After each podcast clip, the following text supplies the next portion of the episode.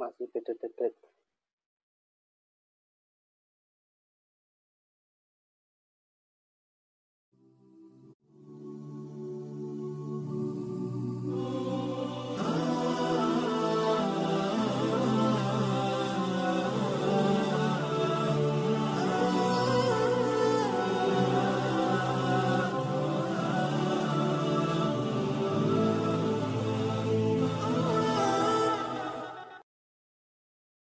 Assalamualaikum warahmatullahi wabarakatuh. Para pemirsa Hilafah Channel di mana pun Anda berada Berjumpa lagi bersama saya Insan Maulana Tentunya dalam program kajian online Yang pada malam hari ini kita akan membahas kitab Mukodimah Dustur Yang tentunya kita sudah sampai ke pasal 15 Yang di mana pasal 15 itu membahas tentang menu, wasilah menuju keharaman maka hukumnya adalah haram. Dan kita sudah tersambung dengan uh, Ustadz Samsudin Ramadan yang insya Allah uh, beliau akan menjelaskan, menjelaskan terkait tentang pasal 15 ini. Oleh karena itu kita akan sapa dulu beliau. Assalamualaikum warahmatullahi wabarakatuh Ustadz. Waalaikumsalam warahmatullahi wabarakatuh. Alhamdulillah. Gimana saat kabarnya? Alhamdulillah sehat Ustadz Insan sehat. Alhamdulillah. Mudah-mudahan kita semua uh, dalam apa dalam lindungan Allah Subhanahu wa taala dan tentunya diberikan kesehatan ya saat. Ya, dan bukan hanya kita tetapi para permisa saat, para permisa Hilafah ya, Channel ya. tentunya mudah-mudahan uh, rekan-rekan semua uh, dalam lindungan Allah Subhanahu wa taala. Dan ini sudah lumayan saat banyak saat yang menunggu kajian kita pada ya. malam hari ini alhamdulillah. Uh, ini ada dari Jakarta, kemudian ada juga dari Bogor dan ada juga dari daerah-daerah e, Ngawi, e, Pacitan ya. dan lagi dan lain sebagainya. Ada Solo juga alhamdulillah sudah tergabung di bersama kita pada malam hari ini tentunya e, dal, ingin mendengarkan atau penjelasan terkait tentang pasal e, 15 ini. Namun sebelum kita mulai, marilah kita e, buka acara ini dengan sama-sama membaca basmalah. Bismillahirrahmanirrahim. Oleh oke okay, untuk mempersingkat waktu uh, waktu dan tempat saya persilakan kepada Ustadz Samsudin Ramadan untuk menyampaikan materi terkait pasal 15. Silakan Ustadz. Ya. ya, terima kasih Ustadz. Assalamualaikum warahmatullahi wabarakatuh. Bismillahirrahmanirrahim. Alhamdulillahirabbil alamin wassalatu wassalamu ala asyrafil anbiya'i wal mursalin sayyidina wa maulana Muhammadin sayyidil awwalina wal akhirin ala alihi al-akramin wa radiyallahu ta'ala an sabihi wa tabi'in amma ba'd. Ikhwani wa akhwati fillah eh, sahabat khilafah channel yang dirahmati Allah. Alhamdulillah pada malam hari ini kita kembali ditemukan oleh Allah Subhanahu wa taala di dalam kajian kitab Muqaddimah Dustur. Dan alhamdulillah kita sekarang sudah sampai pada pasal yang ke-15 yang mana tadi sudah sedikit disinggung oleh bos kita, yakni Ustadz Insan, bahwa di dalam pasal ke-15 ini kita dijelaskan eh, satu kaidah yang sangat masyur, yakni kaidah eh, al-wasilah ilal haram muharramah. Jadi wasilah yang bisa mengantarkan kepada perbuatan-perbuatan haram, maka wasilah itu dihukumi haram atau diharamkan. Nah, ikhwan itulah yang dirahmati Allah SWT.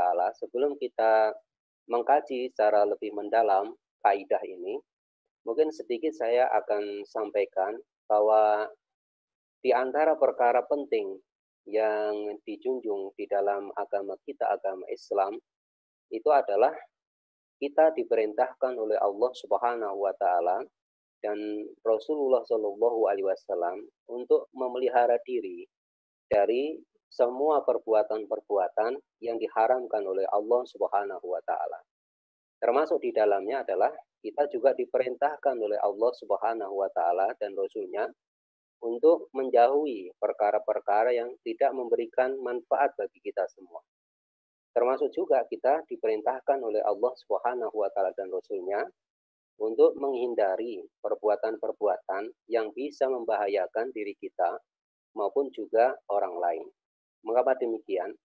Karena agama kita, agama Islam, itu benar-benar diturunkan oleh Allah Subhanahu wa taala kepada baginda Nabi Muhammad wasallam untuk memuliakan manusia, untuk menciptakan e, kesejahteraan, keamanan dan juga untuk menciptakan e, satu kehidupan yang harmonis e, di tengah-tengah masyarakat, tidak hanya bagi umat Islam saja, tapi juga e, bagi umat-umat yang lain, termasuk juga bagi e, alam lingkungan kita.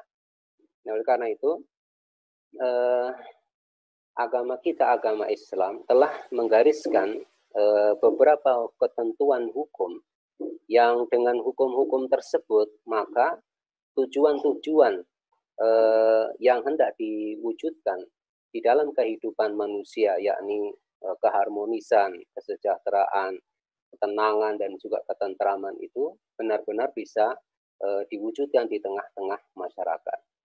Nah, termasuk di dalamnya ikhwan filah yang dirahmati Allah SWT, perkara-perkara yang hukum asalnya adalah mubah.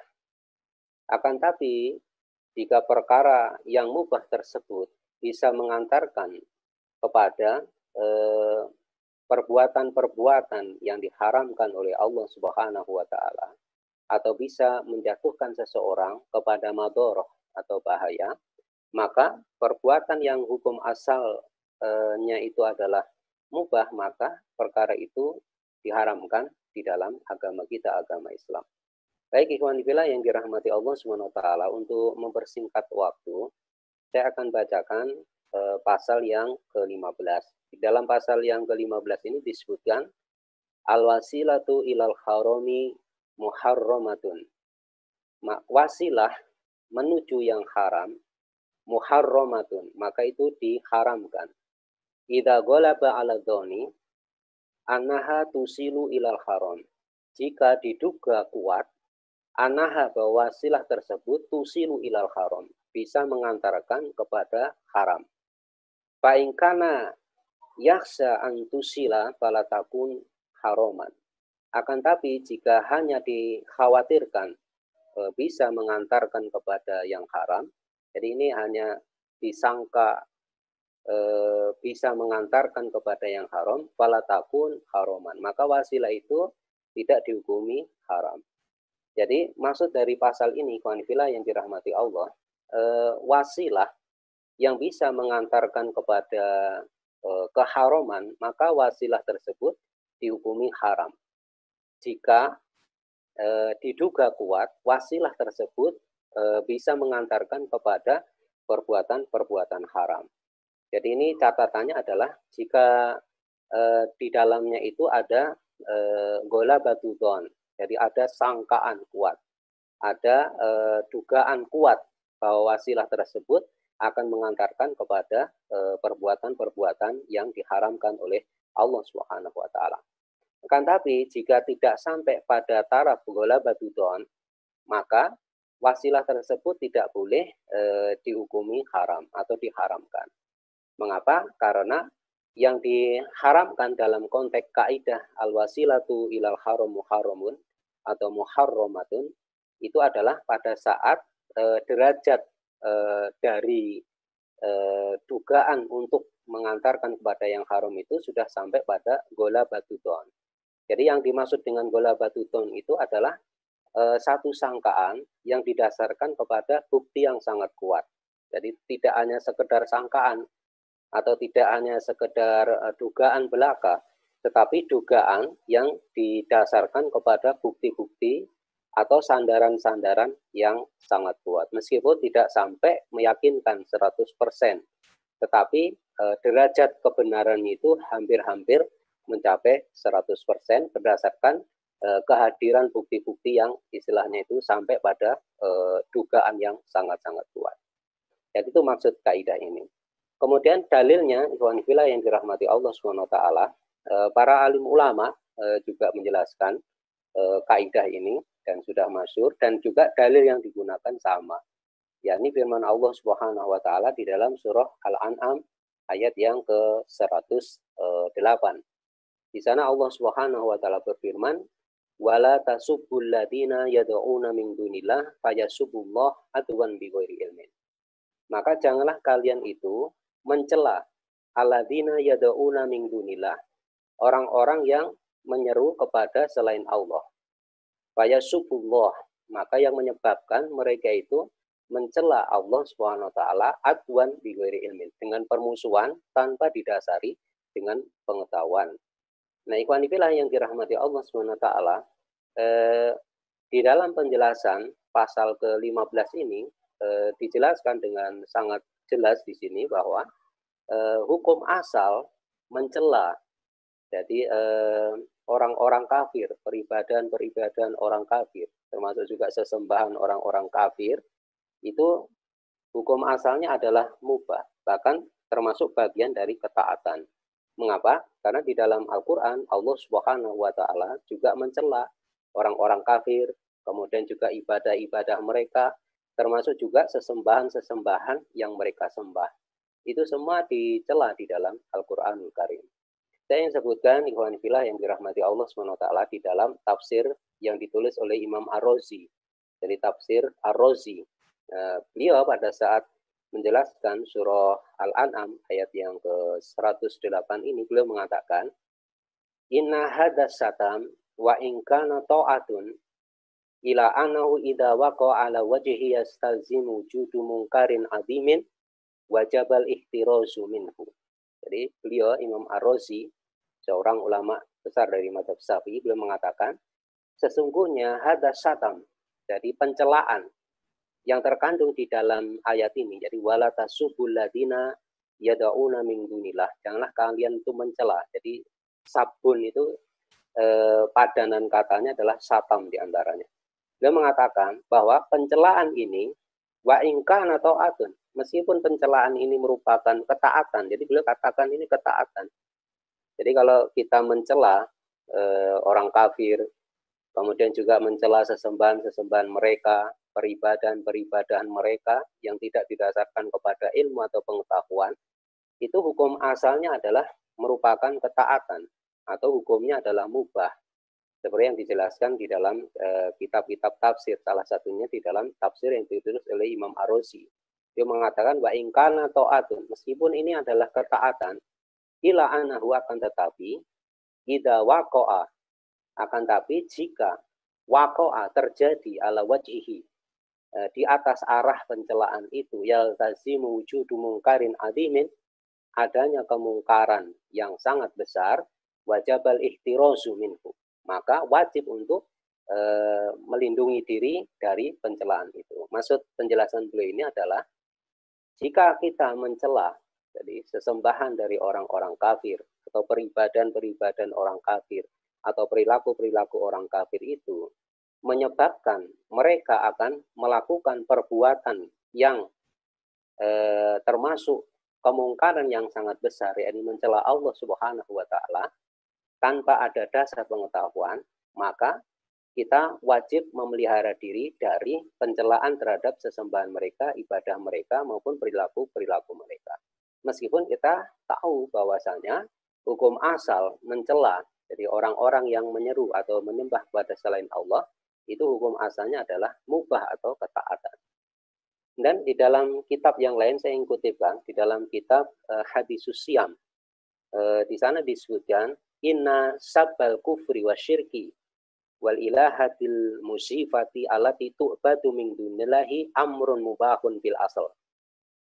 Di dalam kitab itu disebutkan sesungguhnya mencela kekufuran, kesyirikan, dan juga sesembahan-sesembahan yang tidak pantas untuk disembah alat itu batu min dunilah yang disembah selain dari Allah Subhanahu wa amrun mubahun bil asal itu perkara yang hukumnya mubah fil asal pada konteks asal.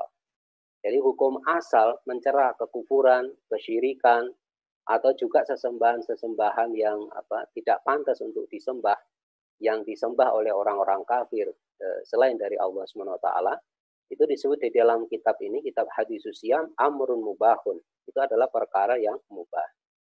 Dan dilanjutkan, walakin idha kana sabbu bisyaklin istifzazan wa fi ihtimalu ayu'ati ila roddati fi'lin yasubbu fi maaf yasubu fiha syai'un min muqaddasatil muslimin fa innahu yahrumu inda idin sabu ma'budatil kufari.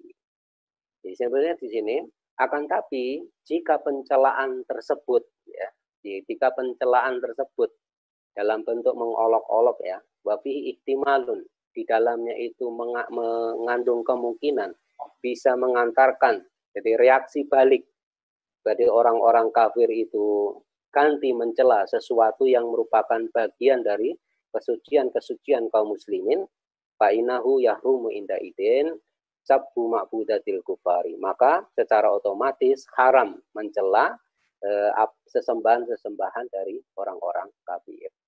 Jadi ini ikhwan yang dirahmati Allah SWT eh, dalil yang digunakan di dalam pasal ini untuk merumuskan eh, satu kaidah yang sebetulnya kaidah ini juga sudah sangat masyur al wasilatu ilal harami muharramah. Jadi uh, wasilah yang bisa mengantarkan kepada keharaman muharramah, maka itu diharamkan. Tapi dengan catatan di sini adalah eh, harus eh, pada taraf dugaan yang sangat kuat. Jadi gola batudon. Jadi jadi eh, kalau ada tadi misalnya orang itu eh, mencela sesembahan orang-orang kafir dan diduga kuat kalau dia mencela pada kondisi seperti itu mereka akan balik mencela Allah Subhanahu wa taala atau mencolak e, salah satu bagian dari kesucian agama Islam atau kesucian kaum muslimin, maka kita sebagai seorang muslim diharamkan pada saat itu mencela e, kekufuran, kesyirikan maupun sesembahan dari orang-orang kafir. Mengapa? Karena e, kalau kita mencela meskipun hukum asal mencela itu adalah mubah atau ketaatan, tetapi itu bisa berakibat orang kafir mencela Allah Subhanahu wa taala. Nah, Eh, mencela Allah Subhanahu wa taala tanpa ada pengetahuan termasuk juga menciderai eh, salah satu bagian dari perkara-perkara yang disucikan di dalam agama Islam itu harus benar-benar dihindari oleh kaum muslimin. Dan ikhwan fillah yang dirahmati Allah, para ulama juga membandingkan ayat ini itu dengan hadis-hadis eh, yang mungkin barangkali hadis ini juga dari sisi makna sudah banyak kita dengar, mungkin barangkali juga sangat masyur di tengah-tengah kita. Jadi eh, Nabi Shallallahu Alaihi Wasallam itu eh, menyatakan bahwasanya eh, ada seorang laki-laki itu yang eh, akhirnya mencela kedua orang tuanya sendiri. Dan para sahabat bertanya, bagaimana terjadi ada seorang laki-laki yang justru mencela orang tuanya sendiri?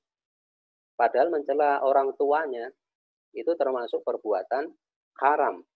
Bahkan termasuk bagian durhaka kepada kedua orang tua. Nah, durhaka kepada dua orang tua itu termasuk kabair, dosa besar. Dan Nabi Shallallahu Alaihi Wasallam memberikan uh, penjelasan. Uh, ada dua orang laki-laki yang mereka itu saling bertengkar.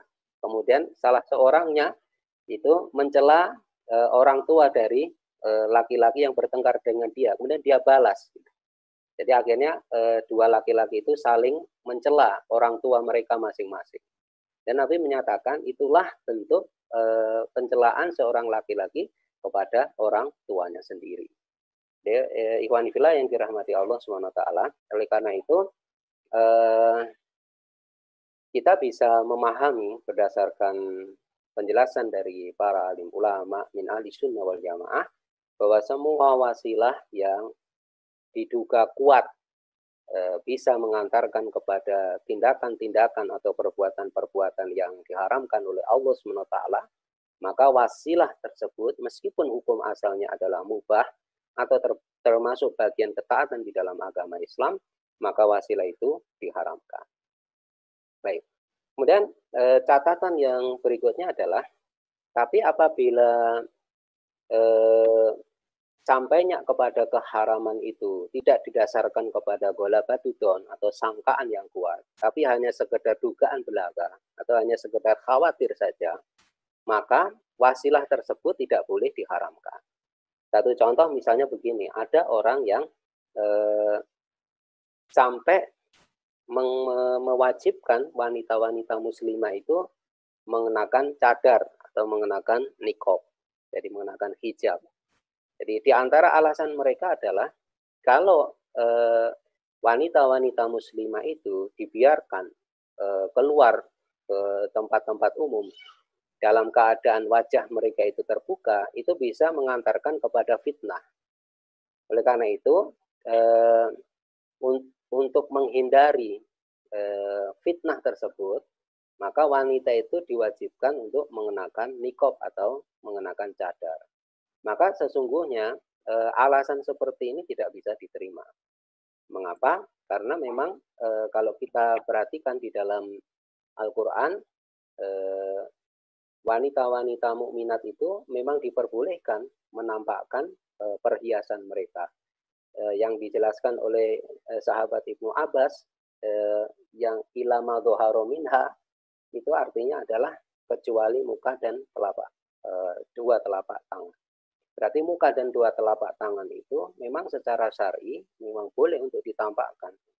Dan adanya kekhawatiran dibukanya wajah itu bisa menimbulkan fitnah, bisa menimbulkan perbuatan yang haram itu pada hakikatnya tidak didasarkan kepada gola batu don, tetapi hanya didasarkan kepada kekhawatiran kekhawatiran belaka yang tidak didasarkan kepada bukti yang sangat kuat makanya tidak boleh kemudian e, menjadikan kaidah al wasilatu ilal haram muharrama itu untuk melarang wanita-wanita muslimah e, membuka e, Eh, wajahnya atau mewajibkan wanita-wanita muslimah untuk mengenakan hijab atau cadar. Karena apa? Karena kaidah ini tidak bisa diterapkan eh, pada perkara-perkara yang hanya eh, disangka saja, tapi tidak sampai pada taraf bola batu don atau hanya dikhawatirkan saja itu tidak masuk dalam cakupan kaidah ini.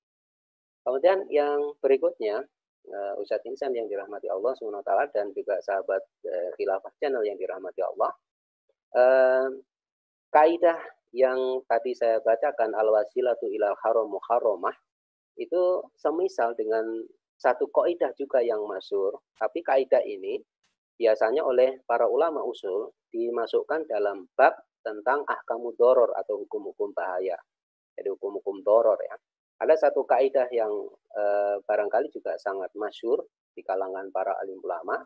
Jadi kulu fardin min afrodil amril mubah idza kana doron au muaddiyan ila dororin urimat dalikal fardu wa dolal amru mubahan. Jadi ini eh, kaidah kedua yang terkait erat dengan kaidah al wasilatu ilal haram muharramah. Ya ini kaidah kulu fardin.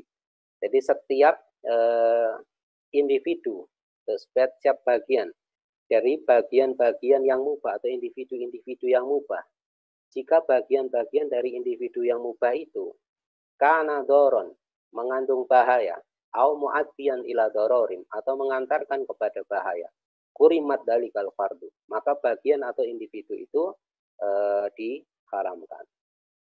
Wadolal amru mubahan. Tapi hukum asal dari perkara itu tetap dalam kemubahan atau kebolehan. Ya, jadi e, kalau kita e, mencoba mendalami lagi kaidah yang kedua ini kulu fardin min abrodil amri mubah e, ilal akhir itu e, sudah disepakati oleh para alim ulama bahwa kita sebagai kaum muslimin itu tidak boleh menjatuhkan diri kepada bahaya dan juga tidak boleh menimpakan bahaya kepada orang lain. Maka ada satu kaidah yang sangat masyur di dalam apa kitab-kitab usul fikih ad-dararu yuzalu. Jadi bahaya itu harus dihilangkan. Karena di dalam hadis eh, baginda Nabi Muhammad SAW menyatakan la dororo wala diroro fil Islam. Tidak ada bahaya dan membahayakan di dalam Islam. Dan ada satu kaidah juga yang ingin saya sebutkan, al aslu fil mabor at-tahrim. Jadi hukum asal dari bahaya itu adalah haram. Jadi kalau e, perkara mubah tersebut bisa mengantarkan kepada doror, maka e, hukum asalnya juga e, perkara yang mubah itu e, diharamkan. Mengapa perkara yang mubah itu diharamkan? Karena kalau perkara mubah itu kita lakukan, maka itu bisa mengantarkan kepada bahaya. Sedangkan bahaya atau doror di dalam Islam itu e, diharamkan. tidak diperkenankan. Nah, eh, masih banyak ya ikhwanifillah yang dirahmati Allah tentang kaidah doror ini. Eh, mungkin nanti bisa diperiksa kembali di dalam kitab-kitab usul fikih. Tapi kita akan kembali kepada kaidah kulu fardin min afrodil amri mubah tidak doron au mu'atiyan ila dororin kurimat dalikal fardu wa dolal amru mubahan. Itu uh, dalilnya ini di dalam kitab ini disebutkan uh, adalah uh, peristiwa pada saat uh, baginda Nabi Muhammad Shallallahu Alaihi Wasallam dan juga para sahabat itu sedang melakukan satu perjalanan. Kemudian mereka melintasi eh, perkampungan kaum Samud, jadi perkampungan eh, kaumnya Nabi Soleh alaihi salam, yakni di Hijr namanya. Nah, pada saat para sahabat eh, itu sampai di daerah Hijr, di perkampungannya Nabi Soleh alaihissalam atau perkampungan kaum Samud, itu Nabi Shallallahu alaihi wasallam pada saat beristirahat, beliau itu bersabda, latas serobu min ma'i Janganlah kalian itu meminum eh, sedikit pun air yang terdapat di dalam eh, sumur eh, di perkampungan eh, kaumnya Nabi Soleh alaihissalam. Wala tawaddu'u minhu sholah. Dan janganlah kalian menggunakan air itu sedikit pun untuk sholat. Wa makana min ajinin ajang tumuhu fa'aliful ibil. Dan jika eh, kalian sudah terlanjur membuat adonan eh, roti dari air tersebut, jadi ada sebuah sumur. Jadi ini ceritanya gini. Pada saat sampai di perkampungan eh, eh, kaum Samud atau perkampungan Nabi Soleh alaihissalam ini, di situ memang ada sumur. Nah, orang-orang itu kalau melintasi perkampungan tersebut itu biasa minum air di situ gitu. Tapi pada saat Nabi SAW dan para sahabat singgah di situ, Nabi SAW melarang para sahabat minum sedikit pun eh, air dari sumur eh, hijr itu. Kemudian Nabi juga melarang menggunakan air tersebut untuk membuat adonan roti. Kalau sudah e, terlanjur menggunakan air tersebut untuk membuat adonan roti, maka adonan itu harus diberikan kepada onta beliau. Kemudian Nabi juga berpesan, janganlah kalian menggunakan air itu untuk e, berwudu. Gitu. Kemudian e, Nabi SAW juga berpesan pada para sahabat, wala takhrujunna ahadun minkum al-lailata illa wa ma'ahu sahibun lahu. Dan janganlah seorang di antara kalian keluar di malam hari kecuali disertai dengan temannya. Jadi ini ceritanya memang ini daerahnya mungkin barangkali angker ya. Jadi agak apa namanya? agak misterius ini tempatnya. Jadi di dalam hadis ini ikhwan yang dirahmati Allah SWT Nabi Shallallahu Alaihi Wasallam itu melarang para sahabat minum air dari sumur hijr. Kemudian Nabi juga melarang menggunakan air itu untuk membuat adonan roti. Nabi SAW juga melarang para sahabat menggunakan air dari sumur hijr itu untuk digunakan wudhu. Kemudian juga Nabi SAW melarang para sahabat keluar seorang diri di malam hari. Kalau keluar e, di malam hari itu harus disertai dengan teman. Nah, e, istimbat dari hadis ini ikhwan fillah yang dirahmati Allah SWT. Jadi kalau kita perhatikan, minum air ya, di mana pun berada, air e, di Madinah, di Mekah, di Indonesia, atau air yang air di mana pun berada, termasuk juga di Kijer, itu hukum asalnya boleh. Jadi e, bukan haram, hukum asalnya boleh. Kita gunakan juga untuk wudhu juga boleh. Kemudian kita gunakan untuk membuat adonan roti, itu juga boleh. Kemudian keluar di waktu malam hari, seorang diri bareng-bareng atau rombongan, itu juga hukum asalnya boleh. Seorang diri itu boleh. Jadi antum keluar seorang diri boleh.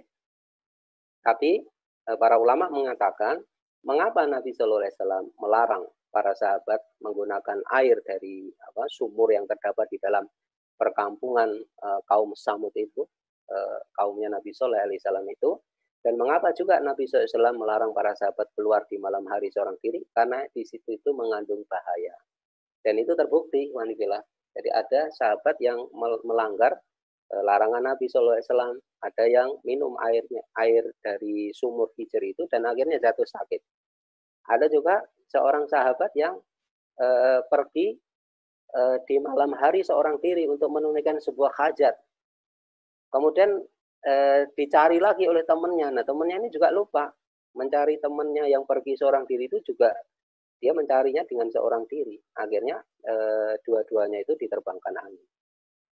Nah, uh, ini menunjukkan kepada kita semua bahwa perkara-perkara yang hukum asalnya itu adalah mubah tetapi kalau perkara yang mubah itu bisa mengantarkan kepada bahaya, maka perkara yang mubah itu diharamkan.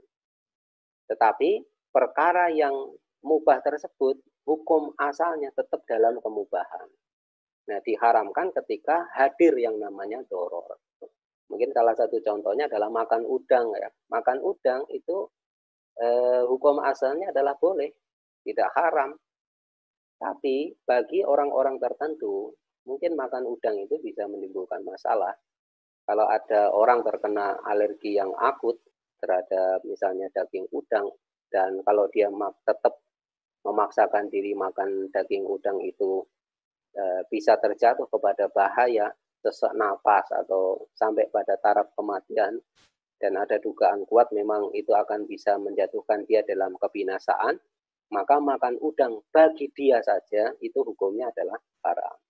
Tidak diperkenankan. Jadi ini ikhwan yang dirahmati Allah SWT. Eh, kaidah al-wasilatu ilal haram muharramah itu terkait dengan kaidah yang tadi saya bacakan kulu fardin min afrodil amrin mubah tidak kana doron au muatian ila doror kurimat dalikal fardu wa dolal amru mubahan. Jadi eh, setiap individu atau perkara-perkara yang apa hukum asalnya itu termasuk bagian yang mubah, jika perkara yang mubah itu mengantarkan ke, eh, mengandung bahaya atau mengantarkan kepada bahaya, maka eh, bagian dari perkara yang mubah itu diharamkan. Dan perkara itu hukum asalnya tetap di dalam eh, kemubahan. Ini kira-kira Ustaz Insan yang dirahmati Allah SWT maksud dari eh, kaidah eh, al-wasilatu ilal haram muharramah yang kaidah ini ikhwanifillah yang dirahmati Allah SWT eh, secara khusus dicantumkan di dalam kitab Muqaddimah Dustur. Ini sesungguhnya menunjukkan kepada kita semua bahwasanya eh, kita sebagai seorang muslim itu memang betul-betul diperintahkan oleh baginda Nabi Shallallahu Alaihi Wasallam untuk selalu E, memelihara diri dari semua perbuatan yang diharamkan oleh Allah, termasuk perkara-perkara yang bisa menjatuhkan kita e, kepada e, bahaya atau doror.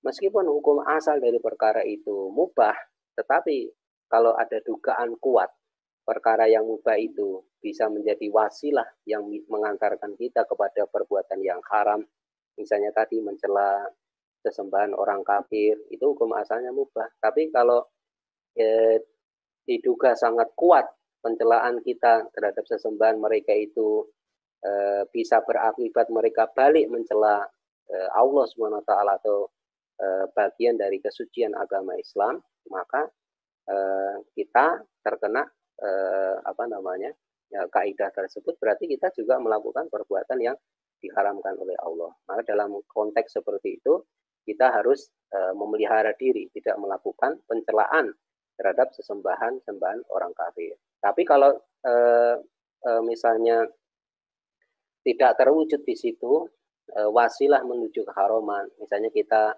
menjelaskan kekeliruan apa sesembahan mereka, kemudian apa kita berdiskusi dengan mereka dengan ilmu, dengan apa kata-kata yang apa namanya membangkitkan pemikiran, tidak apa tidak kasar, tidak emosional, maka Eh, dalam konteks seperti itu, maka eh, tentu tidak ada dugaan kuat di dalamnya bisa mengantarkan kepada pencelaan balik terhadap Allah Subhanahu wa taala dan bagian dari kesucian agama Islam. Jadi kira-kira itu Ustaz Insan yang dirahmati Allah Subhanahu wa taala dan ikhwan fillah yang dirahmati Allah eh, pasal yang ke-15 yang bisa kita bahas pada malam hari ini. Uh, untuk selanjutnya saya kembalikan kepada Al Mukarram wal Muhtaram Sohibul Fadilah Ustadz Insan Maulana. Tafadhol Ustadz. Ya, terima kasih Ustadz. Alhamdulillah. Ya, ya para pemirsa uh, Hilafah Channel di mana pun Anda berada, itulah penjelasan dari pasal 15 yang telah diutarakan oleh uh, Ustadz Samsudin Ramadan. Mudah-mudahan ini menjadi kebaikan bagi kita dan menambah uh, tentunya uh, pengetahuan atau ilmu bagi kita. Sehingga kita bisa lebih hati-hati dalam berbuat. Ya, uh, untuk para pemirsa Hilapa Channel di mana pun Anda berada, bagi ingin bertanya, silakan uh, ketik di kolom komentar.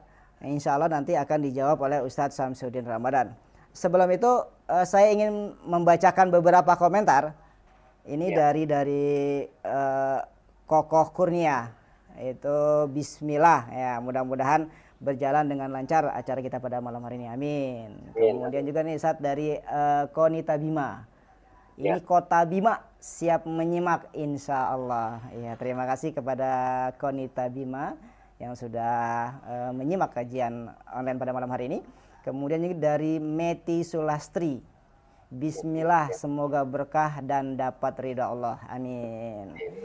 Ya, eh, ini sudah ada saat yang masuk uh, pertanyaan. Uh, ya. Pertanyaan pertama ini dari uh, Mentik Sulastri. Nah, ya, ini Ustaz. Ya. Ya, apa perbedaan antara gola batu zon dengan rasa khawatir? Nah, mungkin Ustaz bisa uh, menjelaskan terkait pertanyaan tersebut. Silakan, ya, silakan Ustaz. Ya, Bismillahirrahmanirrahim. Jadi gini, uh, di awal sebetulnya sudah saya sampaikan. Jadi yang dimaksud dengan gola batu don atau dugaan yang sangat kuat itu adalah dugaan yang didasarkan kepada bukti. Jadi bukan sekedar dugaan saja, tetapi berdasarkan e, sebuah bukti. Jadi e, kita ini bisa membuat sebuah dugaan itu tatkala memang ada e, maksud saya dugaan kuat ya di sini bola batu tuan. Pada saat memang e, dugaan kita itu disanggah oleh bukti-bukti. Satu contoh misalnya ya, satu contoh eh, satu contoh eh, sampai sebuah berita kepada kita. Sampai sebuah berita kepada kita misalnya dari si Fulan. Si Fulan mengatakan Ustadz nanti kalau Ustadz eh, menjelaskan eh, apa misalnya keburukan-keburukan dari apa eh, agama mereka atau nanti kita jelaskan kita ungkap apa kekeliruan eh, apa eh, dari sesembahan-sesembahan orang itu atau dengan bahasa apa dalam dalam tanda kutip dengan bahasa pencelaan misalnya dengan bahasa pencelaan ingat ya dengan bahasa pencelaan maka e, mereka itu akan balik nanti mencela agama kita gitu. nah kalau orang yang menyampaikan apa informasi tersebut adalah orang-orang yang istilahnya itu adil orang-orang yang siko, jadi orang-orang yang memang uh, bisa dipercaya karena kri, kri, apa namanya kredibilitasnya dan juga personalitasnya itu sudah masuk sebagai orang-orang yang memang bisa dipercaya. Uh, berarti kalau kita misalnya tadi menyangka kalau nanti saya mencela eh, apa sesembahan orang kafir di hadapan komunitas tertentu dari orang-orang non muslim itu nanti e, ada dugaan di hati kita itu bisa mengantarkan pada perbuatan haram. Nah, dugaan kita itu bukan segera dugaan, tapi dugaan kuat. Dari mana kita bisa mengatakan dugaan itu dugaan kuat? Yang pertama adalah hadirnya informasi dari orang yang bisa dipercaya atau orang yang adil. Kemudian yang kedua misalnya juga dia menyatakan begini, ini orang-orang apa di komunitas itu itu orangnya memang orang-orang fasik. Mereka adalah orang-orang yang tidak suka diskusi mereka suka mencela gitu. Jadi kalau di apa namanya di medsos itu kan ada ya orang-orang itu yang memang pengennya hanya mencela saja. Eh, tidak ingin kebenaran gitu. Ya, ya mohon maaf seperti mohon maaf ya eh, eh, orang-orang yang profesinya sebagai buser-buser itu gitu. Hmm jadi booster itu pokoknya asal mencela saja gitu. Nah, eh, kalau yang kita hadapi adalah orang-orang seperti itu, maka itu ada dugaan kuat. Jadi bola batu ton bahwa apa mereka itu kalau misalnya eh, kita celah, katakan kita celah, mereka akan balik mencela. Nah, dugaan kita itu bukan sekedar dugaan atau kekhawatiran, tetapi dugaan kuat. Dari mana? Ada buktinya. Buktinya apa? Buktinya itu, ini orang yang kita hadapi, yang akan kita ajak diskusi, itu adalah orang-orang fasik. Nah, itu ada buktinya.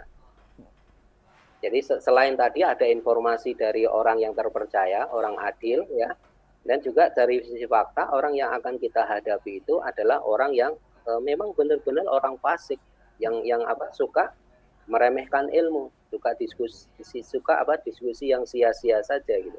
Nah, kita punya dua bukti. Nah, dalam keadaan itu, dugaan kita itu sudah mencapai taraf gola batu don. Gitu. Jadi ada dugaan yang sangat kuat.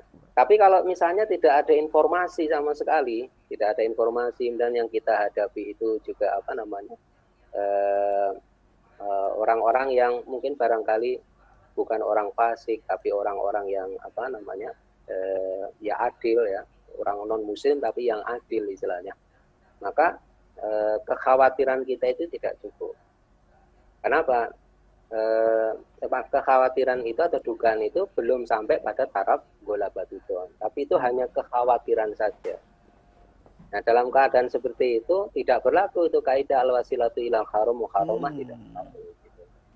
Jadi yang dimaksud bola batu don, sangkaan kuat itu adalah sangkaan yang didasarkan kepada bukti.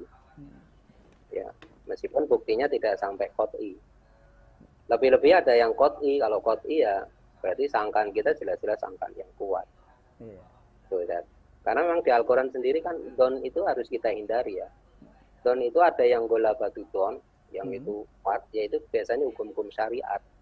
Hukum syariat satu contoh misalnya di Al-Quran ya, disebutkan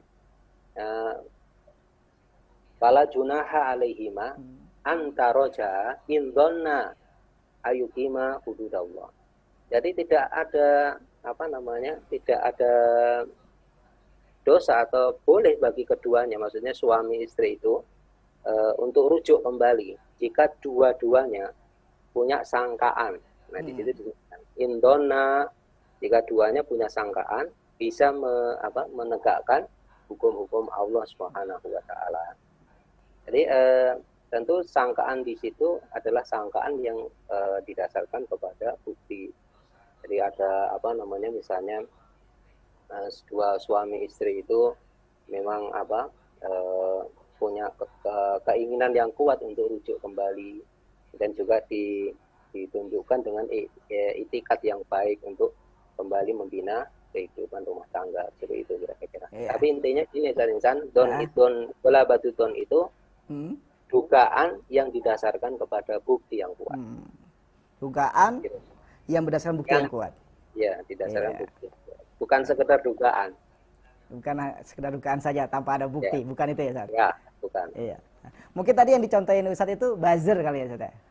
ya kayak baser-baser itu kan uh, uh. coba kalau antum diskusi sama baser nggak ada gunanya uh. kayaknya ya karena apa mereka itu tugasnya cuma dengung-dengung aja gitu kan uh, jadi mendengung saja jadi kalau misalnya basernya penguasa dolim -huh. ya kita jelaskan misalnya tentang khilafah itu ajaran Islam ya tetap ada mereka apa istilahnya kupingnya itu yeah. tertutup gitu yeah. nggak ada faedahnya Malah iya. nanti gini, kalau kita diskusi sama mereka itu khawatirnya mereka itu uh, mencela bagian hmm. dari apa kesucian agama Islam. Hmm. Sementara kita tidak melakukan tindakan yang apa uh, syar'i untuk mencegah pencelaan itu gitu. Itu khawatiran saya. Baik, baik. Terima kasih. Uh, itu uh, jawaban mungkin insya Allah uh, dari yang penanya yaitu Metik Sulastri uh, sudah ya. uh, terjawab oleh Ustadz Samsudin Ramadan. Nah, pertanyaan selanjutnya, Sat. Ini dari ya, Emi Suhemi. Ya, nah, bagaimana hukumnya mengambil suatu hukum uh, demokrasi dalam hal ini dengan pertimbangan mengambil doror atau bahaya yang lebih sedikit dibandingkan hukum lain, misalnya sosialis komunis. Apakah masuk dalam kaidah sara? Nah, ya. Ustaz bisa memberikan penjelasannya. Silakan, Zat. Baik, Bismillahirrahmanirrahim. Uh, memang betul Ustaz Insan, ada satu kaidah yang sangat masyur di kalangan ulama usul fikih, ini kaidah ahwanus syaroin. Jadi eh, bahaya yang paling ringan. Maksudnya hmm. Eh, mengambil bahaya yang paling ringan di antara dua bahaya. Di awal sudah saya sampaikan, eh, doror itu harus kita hindari. Jadi doror itu atau bahaya itu harus kita hilangkan. Tidak boleh seorang muslim itu terjatuh kepada doror atau menimpakan doror kepada orang lain. Itu dilarang. Karena hadisnya sangat jelas ya, la dororo wala diroro. Eh, turunan dari kaidah kaidah ini la dororo wala diroro fil Islam. Sebenarnya ini bunyi redaksi hadis, tapi bisa juga digunakan sebagai satu kaidah. Uh, turunan dari kaidah doror ini yang didalilkan dari tadi uh, la dororo fil Islam itu salah satu turunannya itu adalah akhdu akhofid dororoin mengambil bahaya yang paling ringan di antara dua bahaya. Para ulama yang lain mengatakan ahwanus syaroin. Jadi bahaya yang paling ringan di antara dua bahaya.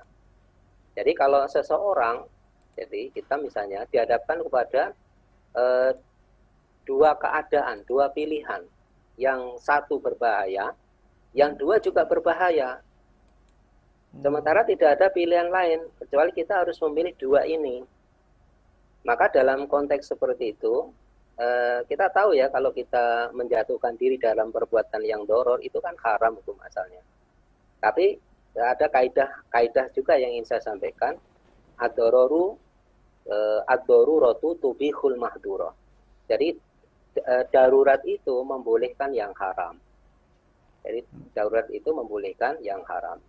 Maka dalam keadaan misalnya seseorang itu eh, dihadapkan dua opsi, dua pilihan yang sama-sama itu doror, sama-sama bahaya.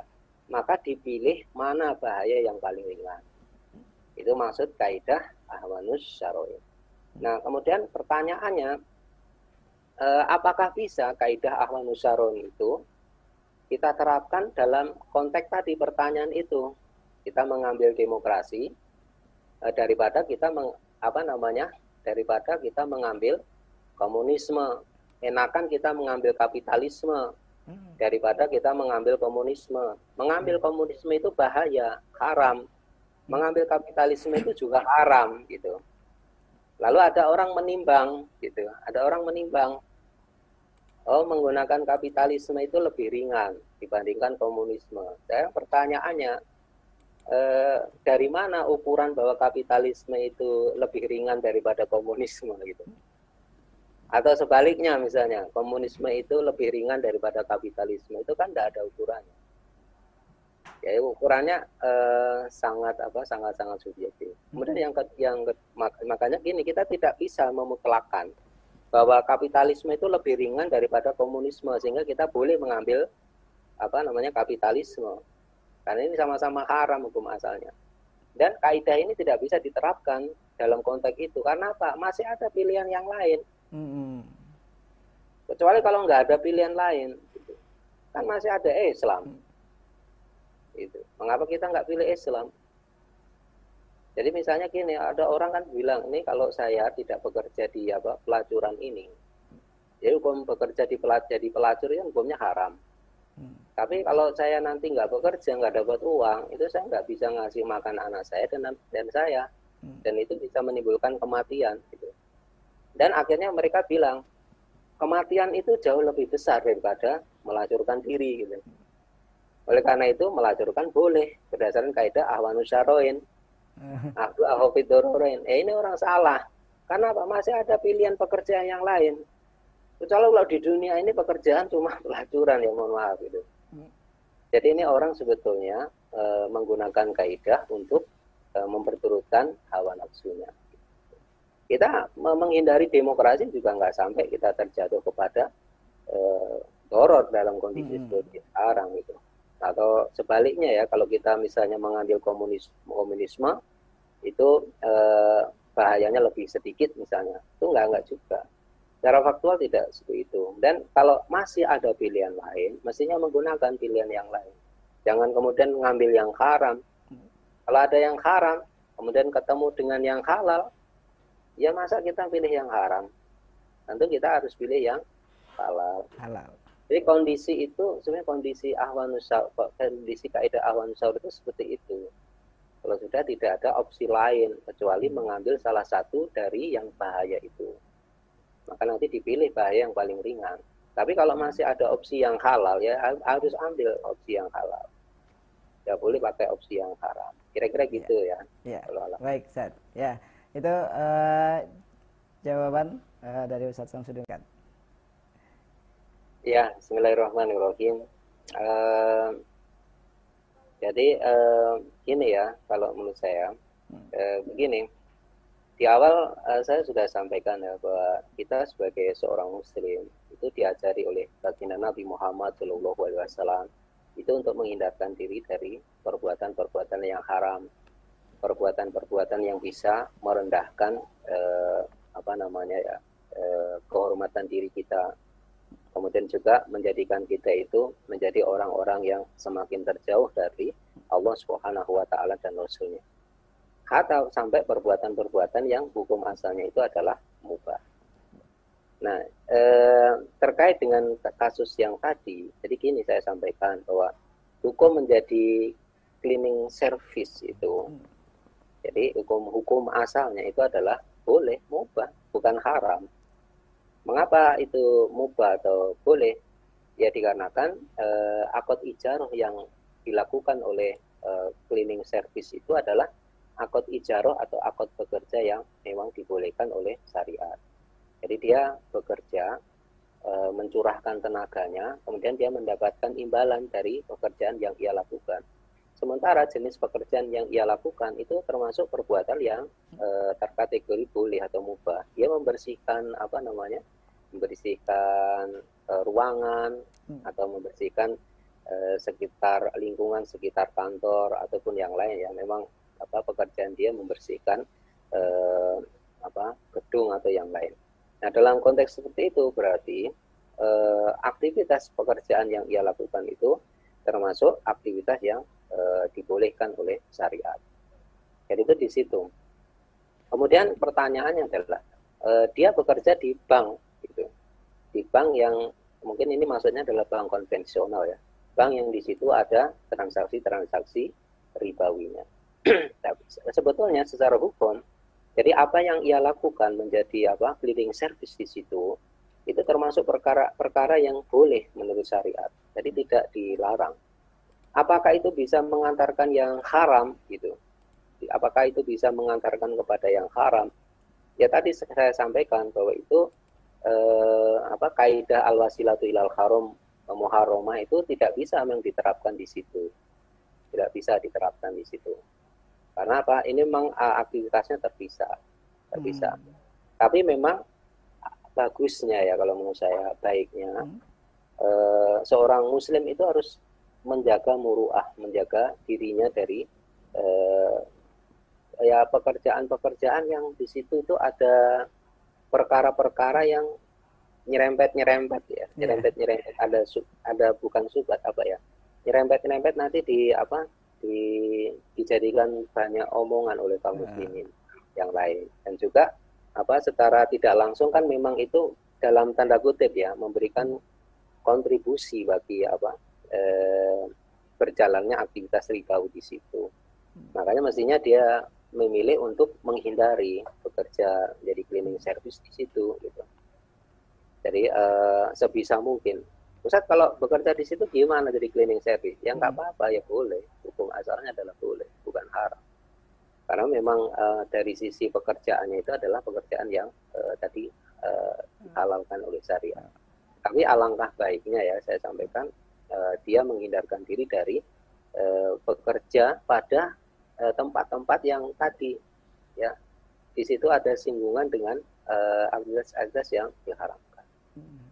Ya termasuk misalnya uh, jadi jadi cleaning service hmm. di apa namanya di rumah bordir bordil misalnya ya ya itu harus dihindari nah, sebetulnya itu gimana ada seorang muslim masuk ya. bekerja di situ gitu kalau dari sisi mungkin dia bisa berhujah di sisi Allah kan bekerja ini saya hmm. kan cuma membersihkan nggak ada kaitannya dengan apa aktivitas pelacurannya atau persinaannya tidak ada kaitannya. Hmm. Cuma kan eh, kan jadi gimana gitu kan? Aneh gitu ada seorang muslim yang tidak berusaha menjaga dirinya dari eh, tempat-tempat seperti itu. Khawatirnya nanti kalau meninggal di situ gitu. Atau khawatirnya gini meninggal di situ pada saat dia terpengaruh di situ gitu. Ya karena dia berinteraksi terus di situ kan lama kelamaan terpengaruh juga khawatirnya gitu. Hmm. gitu. Jadi mestinya uh, ya dihindari lah gitu. Ya. bahkan kalau baik. bisa dijawab ya polalam ya baik Zat. Terima kasih Zat. Ya itu uh, penjelasan dari Ustaz Samsudin Ramadan. Mudah-mudahan uh, Silma Sabita uh, masih mendengar uh, atau masih bergabung ya. bersama kita sehingga bisa mendengar uh, jawaban dari uh, guru kita yaitu Ustaz Samsudin Ramadan. Bahwasanya cleaning service di bank itu uh, pekerjaan yang halal. Yeah. ya kan? Dan tidak bermasalah ya saat ya? Yeah. gitu. silakan silakan saja. Hanya saja uh, lebih baik ya saat ya, ya lebih baik kalau ada yang uh, pekerjaan lain kita uh, melakukan pekerjaan lain. Tetapi sekali lagi uh, pekerjaan cleaning service di bank itu adalah pekerjaan yang uh, halal. Oke okay. uh, dikarenakan waktu kita terbatas saat Ya. Saya uh, agak berat bicaranya sebenarnya saat ini kepada pemirsa ya. uh, Hilafah Channel yang tentunya setia ya setiap malam uh, saudara-saudara kita menyaksikan kajian uh, yang diselenggarakan oleh Hilafah Channel uh, karena banyak pertanyaan yang belum bisa saya sampaikan saat karena tentunya ya. keterbatasan waktu. Sekali lagi uh, saya mohon maaf kepada saudara-saudara saya uh, permisah uh, Hilafah Channel apabila ada beberapa pertanyaan yang tidak bisa saya sampaikan karena terkait keterbatasan waktu. Oleh karena itu uh, untuk penutup uh, saya persilakan untuk Ustadz Samsudin Ramadan untuk memberikan uh, kesimpulan dari kajian kita pada malam hari ini. Silakan Ustadz.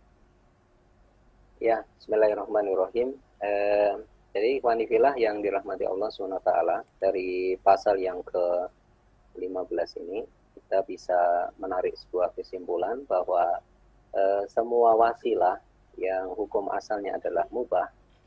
Akan tapi kalau wasilah itu diduga kuat bisa mengantarkan kepada perbuatan-perbuatan yang diharamkan oleh Allah SWT atau bisa menjatuhkan e, seseorang atau negara di dalam bahaya maka eh, aktivitas yang mubah itu eh, diharamkan alias tidak boleh kita eh, kerjakan atau kita lakukan.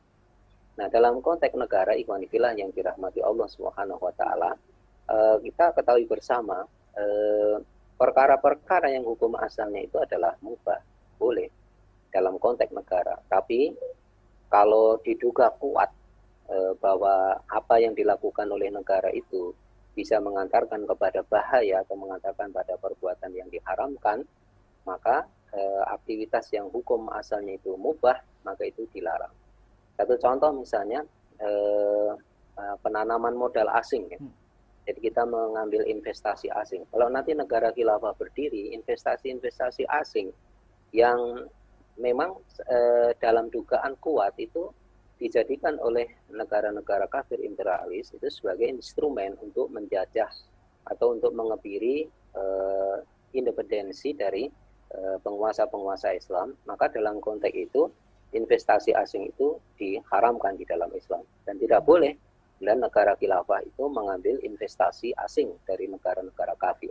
Termasuk juga misalnya e, mengambil hutang luar negeri kalau utang-utang sekarang jelas-jelas diharamkan oleh Allah SWT karena utang yang dilakukan negara di negara-negara sekuler pada saat itu saat ini ya yang yang dilakukan oleh penguasa-penguasa sekuler saat ini walaupun mereka mengaku agamanya Islam itu uh, semuanya hampir-hampir berbasis pada riba. Itu jelas haram.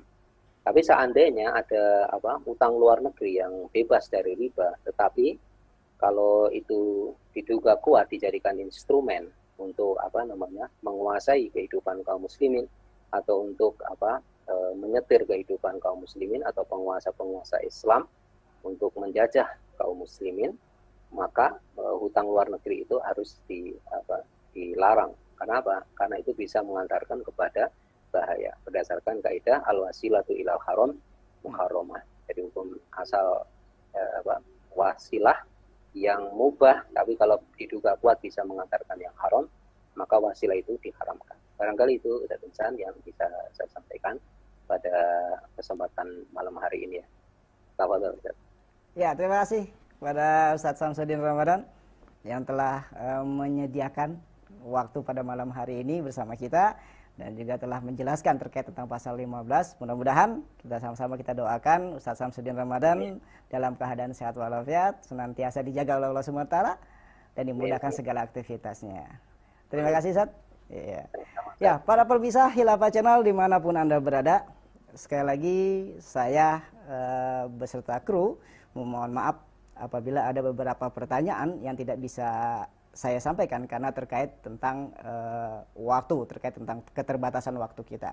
Dan saya ucapkan banyak-banyak terima kasih kepada para uh, Hilapa Channel, para pemirsa Hilapa Channel yang telah um, memberikan komentar, kemudian uh, pertanyaan. Saya ucapkan banyak-banyak terima kasih dan jangan lupa untuk like, subscribe dan share informasi ini sebagai dukungan untuk meluruskan pemahaman uh, akan kebesaran kemuliaan ajaran Islam. Dan tentunya jangan lupa saksikan terus program uh, kajian online yang hanya ada di Hilafah Channel setiap harinya pada pukul 20.00 waktu Indonesia Barat. Oleh karena itu, saya sekali lagi mohon maaf apabila ada salah-salah kata. Saya Insa Maulana dan beserta kru pamit undur. Assalamualaikum warahmatullahi wabarakatuh. Waalaikumsalam warahmatullahi wabarakatuh.